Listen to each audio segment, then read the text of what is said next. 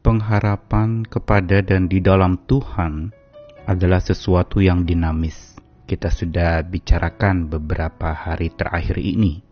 Namun, satu hal lagi yang kita perlu ketahui tentang pengharapan itu adalah bukan saja dinamis, namun tidak terjadi secara otomatis. Dalam arti adalah seperti mesin yang lalu dikendalikan Tuhan seolah memegang remote control dan mengatur manusia sedemikian rupa seperti robot. Tentu saja bukan ini pengharapan dan cara kerja Tuhan dalam menaruhkan pengharapan dari Tuhan di dalam hati manusia. Seperti iman yang bertumbuh, bagaikan biji sesawi ditanam lalu kemudian dia tumbuh. Begitu pula pengharapan. Berarti ada prosesnya. Tidak otomatis langsung simsalabim lalu kemudian seorang langsung serta-merta tumbuh pengharapannya.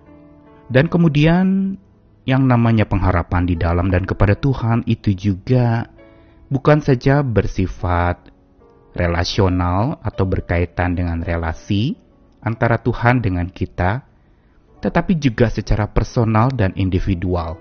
Berarti cara kerja Tuhan untuk membuat seseorang berpengharapan kepadanya itu bisa jadi berbeda-beda hanya ada prinsip yang memang Tuhan taruhkan di dalam sabdanya, bahwa dia senantiasa meliputi setiap orang yang percaya kepadanya dengan kasih setianya yang ajaib, sekaligus meluputkan orang itu dari maut. Inilah sesungguhnya sebuah pengharapan yang dahsyat dan berkhasiat dari Tuhan meliputi kita dengan kasih setia, dan meluputkan kita dari maut. Saya Nikolas Kurniawan menemani di dalam Sabda Tuhan lagi hari ini, yang akan menyapa di dalam renungan-renungan pengharapan dan hari ini dari Mazmur Pengharapan pasal 33 ayat 17 sampai 22. Kuda adalah harapan sia-sia untuk mencapai kemenangan yang sekalipun besar ketangkasannya tidak dapat memberi keluputan. Sesungguhnya mata Tuhan tertuju pada mereka yang takut akan Dia, kepada mereka yang berharap akan kasih setianya, untuk melepaskan jiwa mereka daripada maut dan memelihara hidup mereka pada masa kelaparan. Jiwa kita menanti-nantikan Tuhan, Dialah penolong kita dan perisai kita. Ya, karena dia hati kita bersuka cita, sebab kepada namanya yang kudus kita percaya. Kasih setiamu ya Tuhan kiranya menyertai kami, seperti kami berharap kepadamu. Mazmur 33 adalah mazmur yang sangat lengkap. Lengkap dalam arti karya Tuhan dan perkataan Tuhan yang nyata di dalam setiap babak-babak atau aspek-aspek kehidupan. Pertama di dalam ayat 1 sampai 5 di situ digambarkan bagaimana Tuhan itu bersabda dan dia ada di dalam ibadah-ibadah. Lalu kemudian ayat 6 sampai 9 digambarkan Tuhan itu sabdanya juga ada dan kehadirannya itu ada di dalam penciptaan alam semesta dijadikan oleh sabda Tuhan. Lalu yang ketiga ayat 10 sampai 17 di situ digambarkan bagaimana sabda Tuhan dan kehadiran Tuhan itu ada di dalam sejarah. Bangsa-bangsa sesungguhnya dikuasai oleh kendali Tuhan dan setiap upaya-upaya orang untuk mempertahankan ketahanan nasional mereka atau keamanan militer mereka maka semuanya ada di dalam kendali Tuhan. Dan yang terakhir yang akan kita renungkan bersama dalam ayat 18 sampai 22 ini merupakan sebuah pernyataan tentang perkataan Tuhan dan kehadirannya yang ada di dalam kehidupan setiap orang secara pribadi. Ini yang saya sebut individual dan personal. Mulai ayat 18 sampai 22. Sebelumnya ayat 17 dikatakan bahwa jangan mengandalkan harapanmu kepada kuda yang sia-sia, karena walaupun tangkas, dia tidak dapat memberikan keluputan. Saat kita mencari jalan keluar atau menemukan orang yang kita anggap dapat memberikan harapan, biasanya salah satu kriterianya adalah orang yang tangkas, yang punya keterampilan dan mampu untuk menolong kita. Bila tidak, kita akan abaikan itu. Dan Tuhan ingatkan bahwa digambarkan di sini kuda yang memang tangkas luar biasa, tetapi sesungguhnya dia hanya bisa membawa seseorang lari dari sebuah kondisi bahaya tapi dia tidak dapat meluputkan. Dia hanya bisa membuat seseorang lari dari kenyataan hidup yang penuh dengan berbagai macam kecamuk dan gejolak. Tetapi dia sesungguhnya tidak dapat meluputkan atau menghilangkan segala bahaya itu.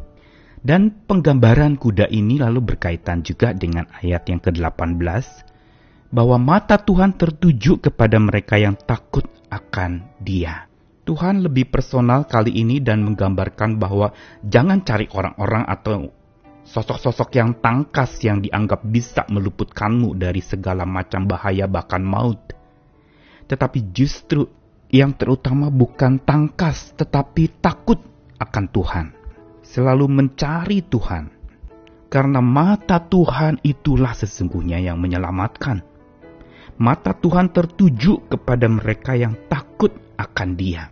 Digambarkan di sini bagaimana mata Tuhan itu selalu terarah kepada orang-orang percaya yang takut akan Dia. Inilah sesungguhnya syarat untuk supaya setiap kita dapat berpengharapan, yaitu punya hati yang takut akan Tuhan. Dan bukan itu saja, tetapi juga yang setia berpaut kepada Tuhan. Dituliskan di situ, kepada mereka yang berharap akan kasih setia Tuhan. Kata berharap di sini bukan satu dua kali, tapi terus-menerus menaruh pengharapannya dengan setia kepada kesetiaan Tuhan. Ini adalah dua syarat untuk seseorang sesungguhnya bisa memiliki pengharapan yang Tuhan tumbuhkan di dalam hatinya. Tuhan tumbuhkan harapan di dalam diri kita dengan cara meliputi kita dengan kasih setianya. Kesetiaannya memelihara kita, dan bahkan dikatakan meluputkan kita dari maut. Meluputkan dari maut bukan berarti kita tidak akan mati, tetapi tidak akan mati selama-lamanya. Sekali kita mati tubuh kita, lalu kemudian Tuhan berikan tubuh yang baru dan hidup bersama dengan Tuhan di rumah Bapa yang kekal. Di situ digambarkan melepaskan jiwa mereka daripada maut dan memelihara hidup mereka pada masa kelaparan. Tuhan tahu pada saat itu ada banyak orang-orang percaya yang sedang mengalami kelaparan. Dan bahkan ini akan berakibat maut ketika kondisi di mana sudah tidak ada makanan lagi dan kondisi kelaparan yang menyebabkan kematian banyak dialami oleh orang-orang pada zaman itu. Tetapi Tuhan dengan caranya meliputi kita, memenuhi dengan kasih setia Tuhan, dan lalu kemudian meluputkan kita dari maut. Dengan syarat, milikilah hati yang takut akan Tuhan, dan setialah berpaut terus padanya. Karena tujuan mata Tuhan tertuju kepada kita, bukan sekedar dia memperhatikan kita, tetapi dia ingin supaya kita melaju bersamanya dia ingin supaya kita hidup setuju dengannya dan melaju bersama. Berarti mata Tuhan ditujukan kepada kita justru itu adalah mata pengharapan yang Tuhan berikan kepada kita. Dan ini mengingatkan kita pada jangkar yang digambarkan sebagai pengharapan itu bagi kapal yang ingin berlabuh dengan tenang. Karena itu milikilah hati yang takut akan Tuhan dan setia berpaut padanya agar terlepas dari maut selama-lamanya itu. Dia mau kita melaju bersamanya. Tetaplah arahkan dan tujukanlah hidupmu hanya kepada Tuhan. Amin.